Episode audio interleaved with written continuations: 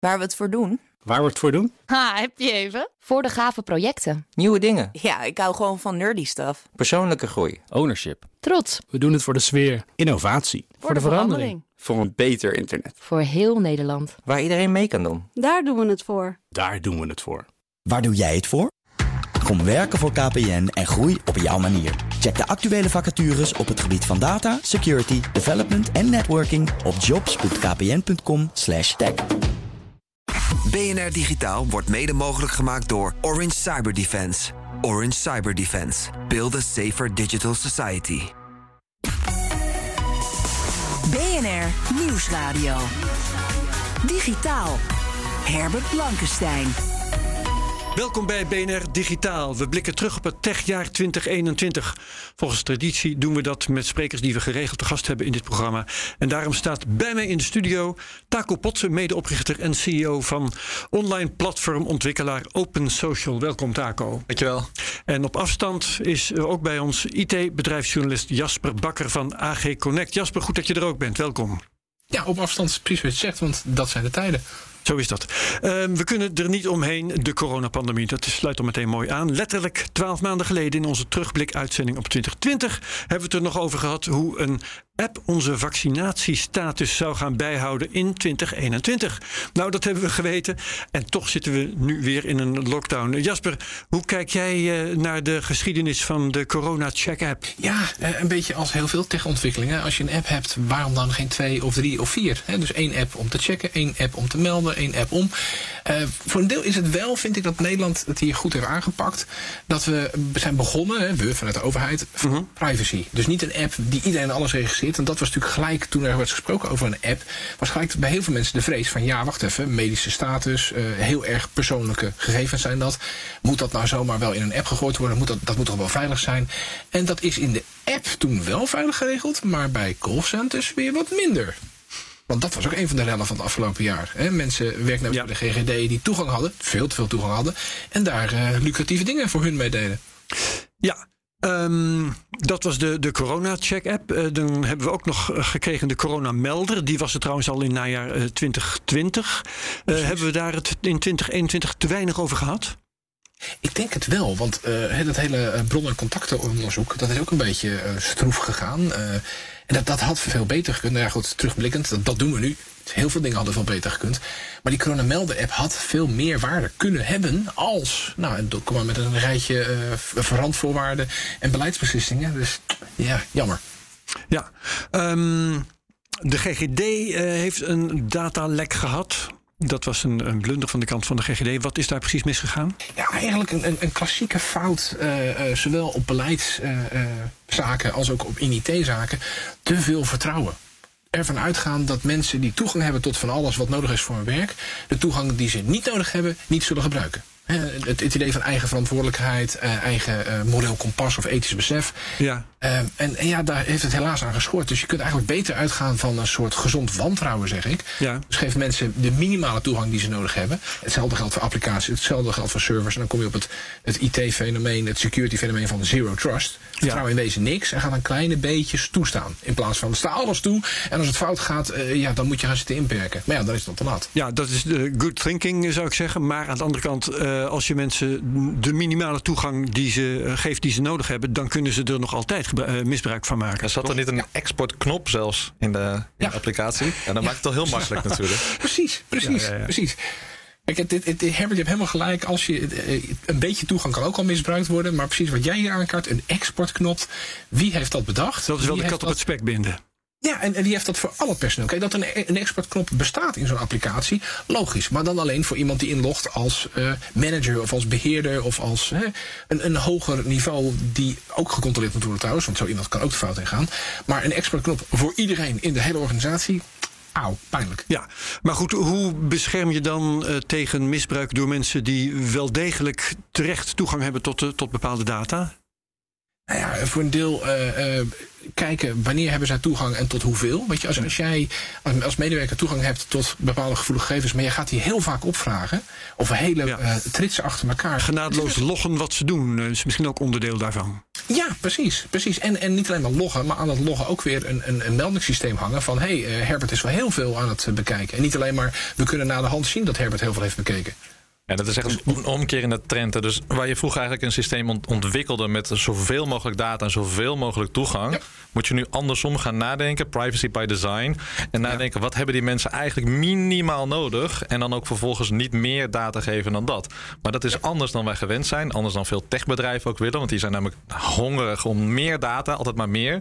Ja, en dat zie je dan in dit soort applicaties van ja, exportknoppen, zoveel mogelijk vragen. Als je je aan moet melden, vraag ze ook om, om heel veel gegevens. Uh, en, en, en, dat moet echt niet alleen met deze app, maar andere ook. Ja, je bedoelt, als ik, me, als ik me inschrijf bij een of andere webshop, dan vragen ze hoe oud ik ben en wat mijn ja, inkomen is. En wie is je partner en wat is haar e-mailadres of, of zijn e-mailadres? Ja, ja, ja. ja. Uh, je kinderen. Ja, en de, de, de datahonger is nog steeds groot. Terwijl ja, het ja. heeft ook zijn keerzijde. Het heeft risico's. Hoe het, het merkwaardige is, uh, um, bedrijven lijken nog niet goed te beseffen... en overheden dus ook niet... dat data ook een risico zijn. Ja, terwijl, terwijl we hebben al te makkelijk vanuit gegaan dat uh, hoe meer data, uh, hoe beter. Ja, dat is nog steeds die gedachte van meer data vertegenwoordigt meerwaarde. En, en, en dat is ook zo. Maar meer waarde is ook meer risico. En, en we hebben in Nederland een jaar eerder dan de Europese meldplicht. Hebben wij in Nederland al een meldplicht gehad voor security lekken. En toen heb ik ook al met juristen gesproken die ook zeiden van ja, hoe meer je verzamelt, hoe meer je kunt lekken of kwijtraken. Dus dat is ook een risico. Ga, ga nou eens een lenteschoonmaak doen. Wat heb jij nodig en wat niet zo? Ja. En verwijder dat. Ja, waar ook wel aanmerkingen op zijn geweest in de afgelopen tijd. Uh, dat is de technocratische aanpak van de overheid. Uh, ja. Alleen al eigenlijk het feit dat er gezegd wordt: nou, we gaan dit aanpakken met een app. Of met uh, twee apps dan in feite. Um, is die technocratische aanpak wel het juiste uitgangspunt? Nou, ik, ik denk, denk ja. Daar kom maar even. Ja, ga je gang. Ja, niet, niet vergeten, want het begon met een tender destijds, volgens mij vorig jaar. Dat, dat ging helemaal de mist in. En uiteindelijk. Uh, dat was een soort schoonheidswedstrijd, hè? Ja, dat, nou, dat ging niet goed. Uh, uiteindelijk heeft de overheid die controle naar zich toegetrokken. Ik denk dat als ik kijk wat er nu staat en hoeveel, nou, hoe het is gegaan. Uh, en hoe, hoe moeilijk die systemen ook zijn hè, om aan elkaar te knopen. Denk aan, aan, aan de GGD-systemen, de meldingssystemen, DigiD, alle, alle priksystemen. Dat gaat over het algemeen best goed denk ik. Maar dat is inderdaad puur vanuit techniek gekeken en processen. En vandaag hoorde ik dat veel ouderen heel veel moeite hebben om zich aan te melden voor een boosterprik. Omdat ze toch die combinatie van DigiD uh, met wachtwoorden, met, met nou ja, wat er allemaal bij komt kijken, dat ze toch daar niet doorheen kunnen komen. Dan gaan ze bellen, die telefoonlijnen. Uh, dus ja, voor onze generatie is het misschien nog te doen met DigiD in de apps. Maar niet vergeten dat er een hele generatie ouder is die nu die prik nodig heeft. Ja, die er toch niet goed doorheen komt. En de telefoonlijnen zijn daar blijkbaar ook niet op gericht om die grote hoeveelheid ja. mensen aan ja. te kunnen. Er blijkt trouwens een gapend gat in te zitten. Want uh, als je um, uh, alsnog weer uh, ziek bent geworden. Wat, wat, is, wat was het, het, het gebrek ook weer? Um, als je positief als je, test, precies. Je als je, vinkje. je bent wel gevaccineerd, dus je hebt dat vinkje. En als je dan vervolgens alsnog weer ziek wordt, dan kun je dat vinkje niet ongedaan maken. Nee, precies. En dan kun je dus wel overal binnenkomen. En dan kom je weer een beetje op, ja, maar een verantwoordelijk iemand zou dat niet doen. Net zoals een verantwoordelijk iemand die bij de GGD werkt en toegang heeft tot heel veel data, niet op die exportknop zou drukken. Ja, je kunt niet ja. altijd mensen vertrouwen, helaas. Ja. Oké, okay, um, Laten we het hier even uh, bij laten wat de overheid betreft. Uh, en gaan kijken naar de omge het omgekeerde effect van de coronacrisis op de techwereld. Want we gingen allemaal thuiswerken. Alle communicatie moest opeens via di digitale kanalen. Uh, Taco, je hebt daar eigenlijk van geprofiteerd, begrijp ik, hè? Ja, wij als onderneming hebben daarvan van geprofiteerd. Uh, Vertel even als, hoe. Net als veel uh, online ondernemingen. Ja, we, zien natuurlijk die enorme verschuiving van of werk of, of sociaal of met organisaties. Evenementen die niet doorgingen. Dus, dus voor ons was dat een enorme, sinds 2020 eigenlijk ja, groei van het, van het bedrijf. Met name ja. omdat alle conferenties niet meer gecanceld werden. Ja, hoe wissel je dan kennis uit tussen experts? Hoe wissel je kennis uit tussen vrijwilligers? overheden. Dus ja, die zijn massaal richting open social gegaan. Hoe, hoe is dat om van zoveel ellende te profiteren? Ja, soms, soms vond ik het wel moeilijk. Want dan zit je in dat ja. bij de kapper en die, die heeft dan een hartstikke moeilijk jaar. En ja, dat durf je eigenlijk niet te zeggen dat je uh, 100, 200 procent groeit in een nee, jaar. Dat prima, ja. Ja, dus dat is soms uh, wel lastig. Um, aan de andere kant, uh, ja, de, de, economie is natuurlijk belangrijk in zijn geheel. Uh, sommige bedrijven die moeten de, de, economie ook draaiende houden. Nou, wij zitten met tech in een, in een goede sector, groeisector, nemen ook veel mensen aan daarin. En ik ben natuurlijk blij als het met de economie als geheel in Nederland goed gaat. Aan de andere kant moeten we zeker niet over het overzien dat veel ondernemers het hartstikke zwaar hebben. Die ook ondersteunen, gul ook ondersteunen vanuit de overheid. En volgens mij hebben we de draagvlak en de draagkracht in Nederland om dat te doen. Dus ja. ik ben blij dat er vandaag weer een schepje bovenop komt voor veel ondernemers die het gewoon hartstikke moeilijk hebben deze tijd. Ja. Nou heeft de technologie dus um, ons geholpen ervan te maken wat ervan te maken viel. Kun jij vertellen wat voor jou de belangrijkste ontwikkelingen daarin zijn geweest? Ja, iemand zei in het begin, uh, er is in uh, tien maanden tijd de innovatie uh, geweest van tien jaar. Nou, dat werd toen twaalf, maanden, twaalf jaar. Um, kijk, wat, wat wij zagen in veel industrieën was natuurlijk al een, een, een technologisering van, van veel dingen. Conferenties gingen al langzaam naar online community building. Ja. Uh, vanwege het vliegen, wat we niet allemaal willen. Vanwege de makkelijkheid van informatie verspreiden. Grotere netwerkeffecten. Maar de, de versnelling daarin. Uh, en zelfs in wat traditionelere, langzamere uh, takken. Zoals bijvoorbeeld associations, waar wij veel, veel zaken mee doen. Opeens moesten zij anders. Het businessmodel moest anders.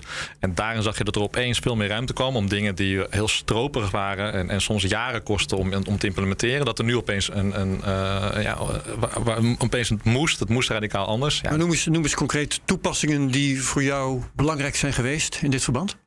Uh, voor onze organisatie bedoel je? Nee, maar ik, ik denk zelf natuurlijk, uh, dat zullen de meeste mensen doen aan het zoomen.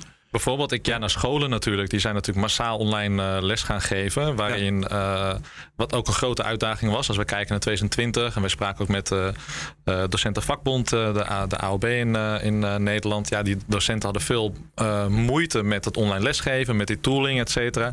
Ja, daar draait niemand zijn hand meer voor om. Ik had gisteren ook nog met de docent van mijn zoontje een, even een Zoom call. Uh, om ja. te kijken hoe het gaat. 10 minuten Vaak beheersen ze nu ook verschillende platformen. Hè? Dan kennen ze Jitsi en ze kennen Teams natuurlijk ook. En zo zijn er veel meer. Ja, niet zeggen dat dat nou de oplossing is voor kinderen. Want ik denk dat, dat het belangrijk is dat ze sociaal contact hebben. En dat ze vooral met elkaar. Ja. Maar uh, aan de andere kant ben ik blij dat de pandemie nu is uh, geweest. En niet twintig jaar eerder. Want dan hadden we al die middelen niet gehad. En dan was het alleen ja, veel groter ja. geweest. Jasper, wat, wat kun jij andere toepassingen noemen die ons uit de brand hebben geholpen hier? Nou, ik denk voor een deel, even aanhaken wat Taco net zei, innovatie van hè, tien jaar in tien maanden of twaalf dus, en, en counting. Ik denk dat er ook sprake is geweest van, van een soort inhaalslag. Want het heeft mij verbaasd en soms verbijsterd hoeveel uh, mogelijkheden er, technologische mogelijkheden, online mogelijkheden, nog niet werden benut. Uh, die echt heel veel efficiëntie hadden kunnen brengen. Weet je? Dus er waren organisaties ja. die eind 2019 aan een cloudmigratie zijn begonnen. En, en, begin 2020 daarmee klaar waren. Of, nee, dat was, nee, dat was eind 2018. Sorry.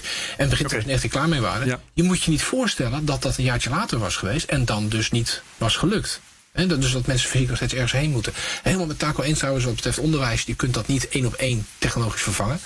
Maar er zijn dingen geweest dat je, ja, uh, ik heb conferenties meegemaakt uh, aan twee kanten van het spectrum, eh, online in de virtuele tijd. Eentje die had geprobeerd om een congreshal na te maken met ook een lobby waar je binnenkwam. En waar je à la second live rondliep. Alleen ja, ja, ja. optimaal geprogrammeerd. Dus het was echt een discrepantie. Het idee was, dan kun je bij iemand gaan staan om daar een gesprek mee aan te knopen. Een chatgesprek. En dat, dat ging zo krampachtig kunstmatig. Dat was het niet. Maar ik heb ook dingen gezien die veel beter waren. Dat je inderdaad een centrale een communicatiesessie had, bijvoorbeeld via Zoom. Maar dat er aparte kamers waren dat je daar op onderwerp gericht naartoe kon gaan. Dus niet, ja, hier staat mm -hmm. iemand lakens mee gaan praten. Maar nee, hier zijn mensen over dit deelonderwerp. En daar zijn mensen over dat. En dat werkt een stuk vlotter. Ja. Ja. Um, ik mis natuurlijk nog steeds wel het menselijke contact. Dus wat dat betreft, we moeten veel meer naar een, een combinatie, een hybride. Niet alleen maar vanwege lockdowns of, of tijdelijke ja. lockdowns. Ja. Um, Daar wil kunnen inclusiever zijn. Ja, uh, ik wil nog één ander onderwerp met jullie bespreken dat met corona te maken heeft, namelijk het chiptekort. Hè, door al die vraag naar uh, digitale spullen. Uh, en trouwens ook door, door ziekte in China en dergelijke kregen we een chiptekort. was in 2020 al zo. Wie hebben daar in 2021 het meeste last van gehad? Jasper? Uh, ja, uh, autofabrikanten, uh, afnemers. Op een gegeven moment zelfs ook eventjes kassenbedrijven. Hè, dus planten en groenten kweken in kassen.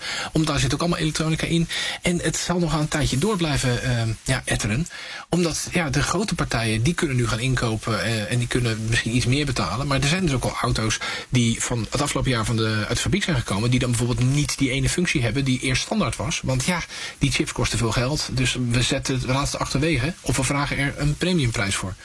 Dus het is, het is ja, een breed iets. En het jammer is, we hebben dit lang geleden kunnen zien aankomen toen we overgingen op het just-in-time manufacturing en just-in-time delivery. Zeker. Als alles goed gaat, dan gaat het goed. Maar als het dan een keer niet goed gaat, als er dan een verstoring komt, zie je ook het grote containerschip wat uh, in het Suezkanaal uh, lag. Daar zaten ja. ook wat chips in, maar ook heel veel andere producten. Dan stokt de hele keten. En de keten heeft inmiddels geen marges meer, want het is niet nodig. Het werkt allemaal zo goed. Nee, waar ik, waar ik me wel zorgen voor maak, wat als Omicron uh, China bereikt. En uh, ze zijn al de dans ontsprongen tot nu toe. Vaccinatiegraden moeten maar zien of dat goed werkt. Maar ze hebben geen immuniteit opgebouwd. Kun je je voorstellen wat, wat het daar, uh, als het daar losgaat, wat voor impact dat nog kan hebben met sluitingen van fabrieken, ja. et cetera. Dus volgens ja. mij zijn we er nog niet, nog niet vanaf. Nee. Uh, nou, dat lijkt me een goede reden om dit onderwerp dan even af te sluiten. Dan kunnen we volgend jaar kunnen we dat kunnen we terugkijken. Ja. Voortzetten. Ja. ja, dus voor dit moment bedankt. Maar blijf hier, want we gaan straks doorpraten over een ander onderwerp. Digitaal. We gaan verder met de terugblik op het techjaar 2021. Uh, daarin hebben we allerlei techbedrijven bedrijven gezien die hun kans schoonzagen om nog meer van onze tijd en van ons geld naar zich toe te trekken. Het liefst deden ze dat via hun eigen platform, bijvoorbeeld om de commissies van tussenpersonen te omzeilen. En zo komen we op de juridische strijd die Epic Games dit jaar aanging met Apple. Epic is bekend van Fortnite kent iedereen, uh, wilde af van de 30% die Apple vangt bij de transacties in de Apple Store. En die zaak kwam terecht bij de Amerikaanse Senaat. Ook Google en Microsoft en allerlei andere van die techreuzen die raakten daarbij betrokken. Jasper, wat uh, is jou het beste bijgebleven van dat gevecht? Uh, ja, twee dingetjes. Eén, uh, eigenlijk de pot uit de ketel. Want Epic wil ook ja. een walled garden zijn, net zoals Apple en Google. He, je kunt in Fortnite kun je ook in-game aankopen doen. En Epic Games heeft ook een, een, een online game store, net zoals Steam trouwens. Uh, en het is een soort ja, David tegen Goliath. David wil Goliath zijn.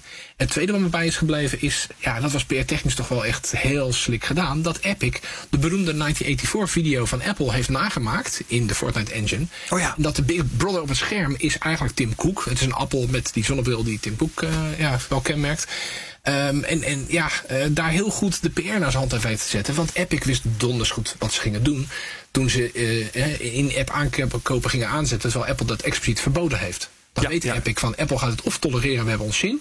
Of Apple gaat ons uitkicken en dan hebben we een fantastische PR-rel. Dus eigenlijk is er een soort juridische strijd. Een fundamentele strijd om platformen. Hè. Dit is niet alleen maar een, een gamemakertje die boos is. Maar die hebben ze eigenlijk gevoerd over de rug van, van online mobiele gamers. Ja. Weten, die mensen gaan straks de app niet meer mobiel kunnen gebruiken. Maar goed, we hebben ze op PlayStation, we hebben ze op PC. Dus we kunnen ons dit wel voorloven. We kunnen ze opofferen. Maar misschien, ja, zo'n beetje wel. Voor de, voor de ja. lange termijn en voor de greater good, vraagteken? Ja, goed. Uh, Apple is dus IBM geworden als het ware. Uh, Epic heeft dit gewonnen trouwens, hè? Mm. Ja, heeft het gewonnen, maar is de wereld nu al verbeterd in het voordeel van Epic? Of is Apple nog aan het uh, uh, hoger beroep en uitstellen, et cetera? Dat zou kunnen. Ik geef uh, Daco het woord, want die maakt een sowieso gebaar. Nou, wat, wat, wat je ziet is dus uh, het is een goed voorbeeld van wat er gebeurt als die platformen eigenlijk, we noemen het walled garden. Dus, dus jij ja. kan daar wonen en turnieren. Uh, je hoeft er niet uit. Je kunt alles doen via Facebook, alles doen via Google, alles doen via Apple. Dat is wat ze graag willen. Alles doen via WeChat. Maar wat je dus ziet is dat in een vrije markt betalen wij, wat betalen we hier? 3% transactie over een betaling uh, in de winkel, zoiets. Vinden we nog veel, maar oké. Okay, Vinden we nog veel, ja. precies. Ja. Nou, 3% laat het zoiets zijn in een vrije markt. Maar als je dus die vrije markteconomie weghaalt en je krijgt een monopolie, dan kun je van alles doen. 30%, waarom geen 80%? En dat is dus wat je ziet waarom die, die platformen, het klinkt goed, het gebruikersgemak is daar, we geven al ons data, we regelen alles via Facebook of via Apple. Maar je ziet dus wat die bedrijven, waar ze echt op uit zijn, en dat is dus een monopoliepositie. Waarom? Om zoveel mogelijk geld te verdienen. En dat Tuurlijk. zorgt niet voor uh, het, het, het, vrije ondernemerschap op die platformen. Of dat nou een Epic is of een kleine ondernemer die een dienst aan willen bieden. 30% transactie is belachelijk veel. Ja, maar er zijn landen die hun wetgeving hebben aangepast. Hè? In 2021, Zuid-Korea heeft dat bijvoorbeeld gedaan. Uh, hoe staan de uh, zaken wat dat betreft in Europa en in de Verenigde Staten, Jasper? Ze staan wat op achterstand. Hè? We zijn hier wat, wat trager dan, dan in wat in Zuid-Korea nu is gebeurd. Maar er zijn wel bewegingen om ook zo kritisch te kijken naar platformen en ook om dat aan te pakken. Uh, en misschien ook wel met, met vereisten van je mag niet zoveel rekenen of je moet inderdaad andere betalingsmechanismes toestaan in jouw walled garden, in jouw app store. Uh, het, het, punt is alleen, zeker in het geval van Apple, daar is zo'n goede uh, integratie geweest. Dat, dat gaat nog een tijd duren. Want A, Apple gaat zich natuurlijk met hand en tand verzetten. Hoe langer je dit kunt uitstellen als bedrijf, hoe meer je in de tussentijd terug kunt verdienen. Hè, als, als in dit geval de, de platformeigenaar. Ja. Um, en, en Apple kan natuurlijk nog steeds volhouden, wij zijn maar een klein deel van de smartphone-markt. Ja. Het argument wat Apple al jaren heeft kunnen doen, wij zijn best klein.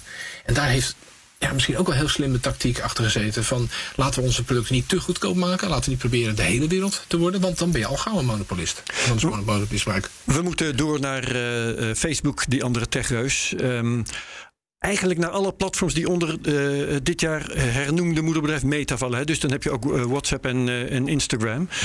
Taco, je hebt op Twitter fel stelling genomen tegen hoe belangrijk Facebook wordt gemaakt in Meta wordt gemaakt in de media. Um, met die grote storing bij WhatsApp en Instagram is dat bijvoorbeeld gebeurd. Waarom is dat volgens jou een probleem? Ja, dus wat je, wat je zag, dat was voor, voor, we zijn misschien wel even vergeten, maar er was een grote storing. Alles lag plat van Meta, dus al hun diensten. En ze hadden het ook zo gedaan dat ze uh, in Amerika ook niet meer het datacentrum in konden om die storing te uh, verhelpen. Want de pasjes deden het allemaal niet meer. Hun telefoons deden het zelfs niet meer. En, en dus wat je ziet is uh, een centralisering van, van diensten. ik denk ook maar aan die grote datacentrum wat ze in Nederland willen gaan bouwen. Ja. Dat hypercentrum.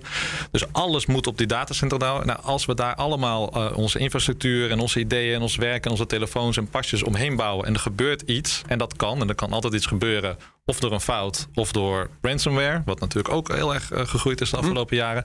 Dan zie je dus dat, dat het idee van een decentraal internet zoals het ooit gebouwd is, van het geeft niet als er een van die nodes of computers kapot gaat, dan neemt een ander het over. Dat we dat nu aan het hypercentraliseren zijn. En dat zorgt er natuurlijk ook voor uh, dat als er wat fout gaat, dat er gigantische uh, problemen ontstaan. En uh, dan denk je misschien, ja, valt wel mee.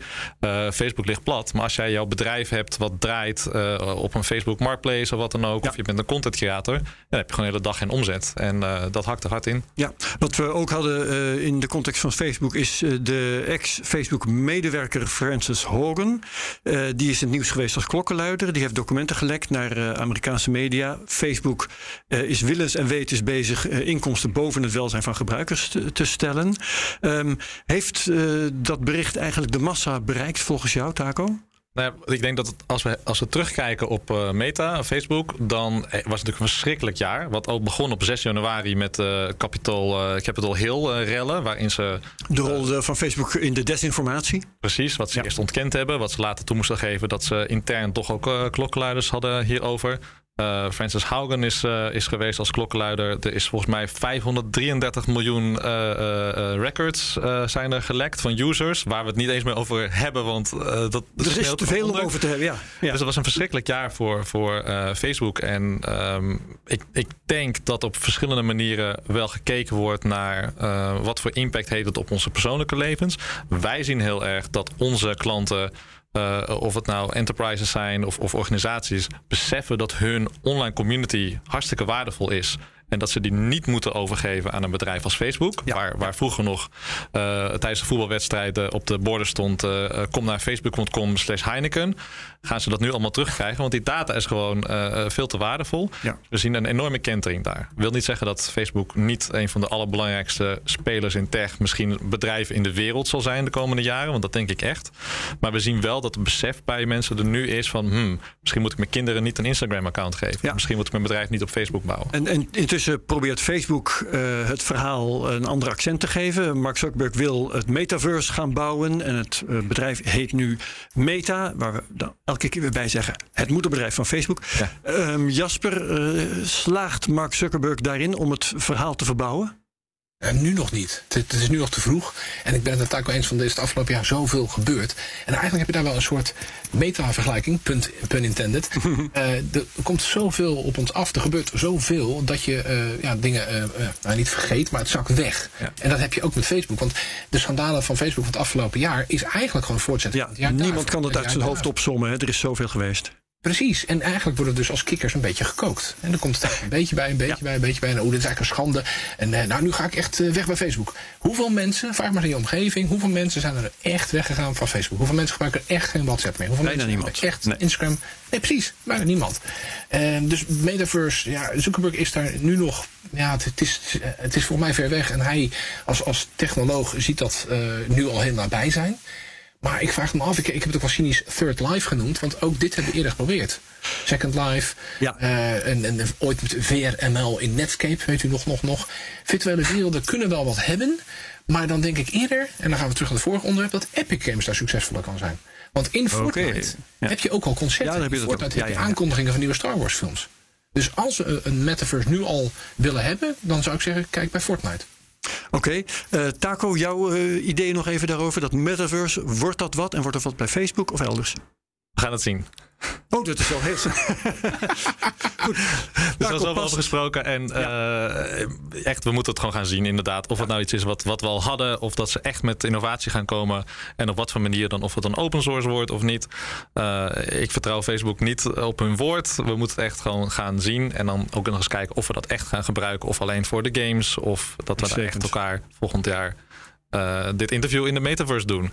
Denk nog niet. Oké, dan gaan we dat uh, daar gaan we volgende, volgende week in BNR Digitaal mogelijk bij het vooruitblikken nog over hebben. En anders uh, um, over een jaar bij het terugblikken op 2022. Um, ik dank jullie, Taco Potsen van online platformontwikkelaar Open Social. IT-bedrijfsjournalist Jasper Bakker van AG Connect was aan de lijn. En je kunt dit programma terugluisteren via bnr.nl, via onze app of waar je ook maar luistert naar je podcast. En dan vind je ook mijn andere podcast. Dat zijn de Cryptocast, De Technoloog en Space Cowboys. Luister daar ook eens naar. Wat BNR Digitaal betreft, heel graag tot volgende week. En daarmee ook tot volgend jaar. Dag. BNR Digitaal wordt mede mogelijk gemaakt door Orange Cyber Defense. Orange Cyber Defense. Build a safer digital society. Bij BNR ben je altijd als eerste op de hoogte van het laatste nieuws. Luister dagelijks live via internet. Bas van Werven. En heel langzaam komt de zon op rond dit tijdstip. Je krijgt inzicht in de dag die komt op BNR, het Binnenhof in Nederland en de rest van de wereld. De Ochtendspits. Voor de beste start van je werkdag. Blijf scherp en mis niets.